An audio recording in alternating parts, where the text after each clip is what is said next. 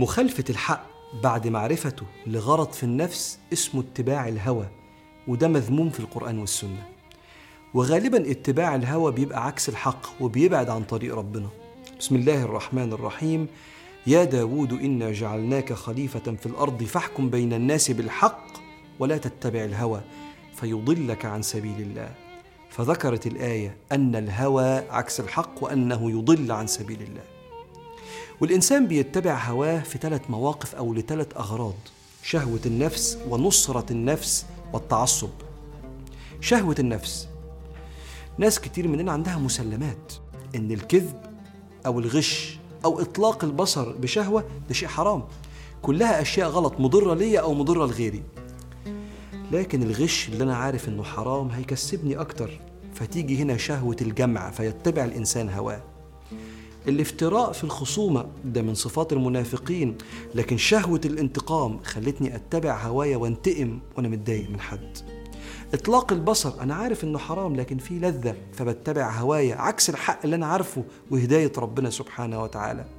فشهوة النفس لما تنتصر على الإنسان بيتبع هواه رغم إنه عارف الصح. عشان كده ربنا بيقول فإن لم يستجيبوا لك هم مش مكذبينك. فإن لم يستجيبوا لك فاعلم أنما يتبعون أهواءهم. ومن أضل ممن اتبع هواه بغير هدى من الله يبقى الهوى في حتة والهدى في حتة. رغم أن شريعة ربنا سبحانه وتعالى أي حاجة في الشريعة الهدف منها الرقي بالإنسان وغالبا اتباع الهوى متعة وقتية ثم غم طويل.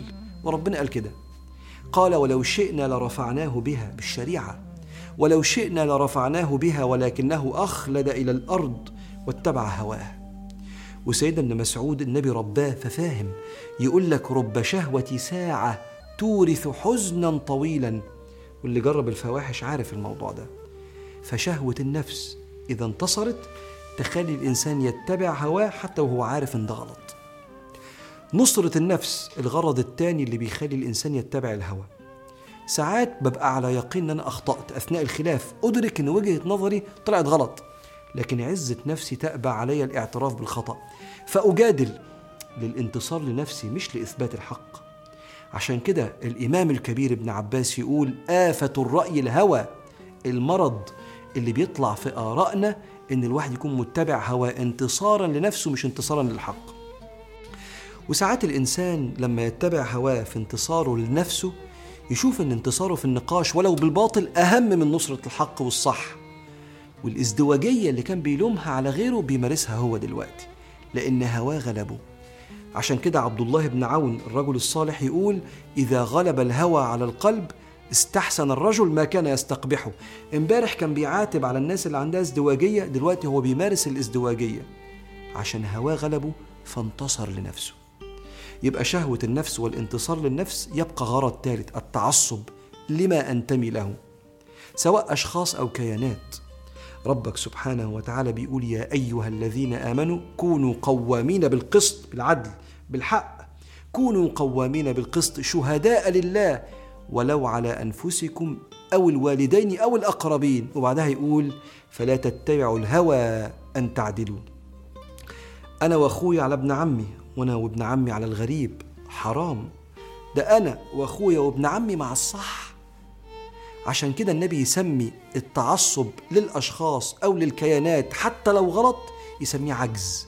قال صلى الله عليه وسلم الكيس الذكي الحكيم الكيس من دان نفسه وعمل لما بعد الموت. دان نفسه يعني بيسأل نفسه أنا صح ولا غلط؟ والعاجز من أتبع نفسه هواها هوايا مع فلان فيمشي وراه وتمنى على الله الأماني.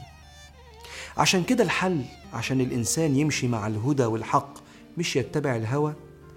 إني أعرف كويس ان أنا لما بنصر الحق بكون في جانب ربنا لأن ربنا الحق. ولما بنصر هوايا ربنا بيكون في الجانب اللي ضدي مش معايا.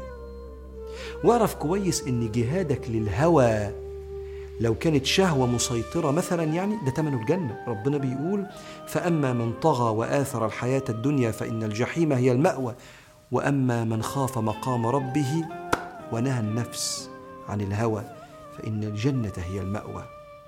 واعرف كويس إن تأييدك للصح والحق لو اختلفنا في نقاش حتى لو الحق ده مش طالع منك طالع من اللي قدامك أنت كده بتأيد ربنا لأن ربنا هو الحق. واللي يأيد ربنا ربنا يأيده لأن الله لا يؤيد الباطل. فخد بالك اتباع الهوى هو إن الإنسان يمشي مع رغبة نفسه بعد معرفة الحق. وده ربنا مش بيحبه. فاللهم يا حق اهد من حاد عن الحق بالحق إلى طريقك يا حق.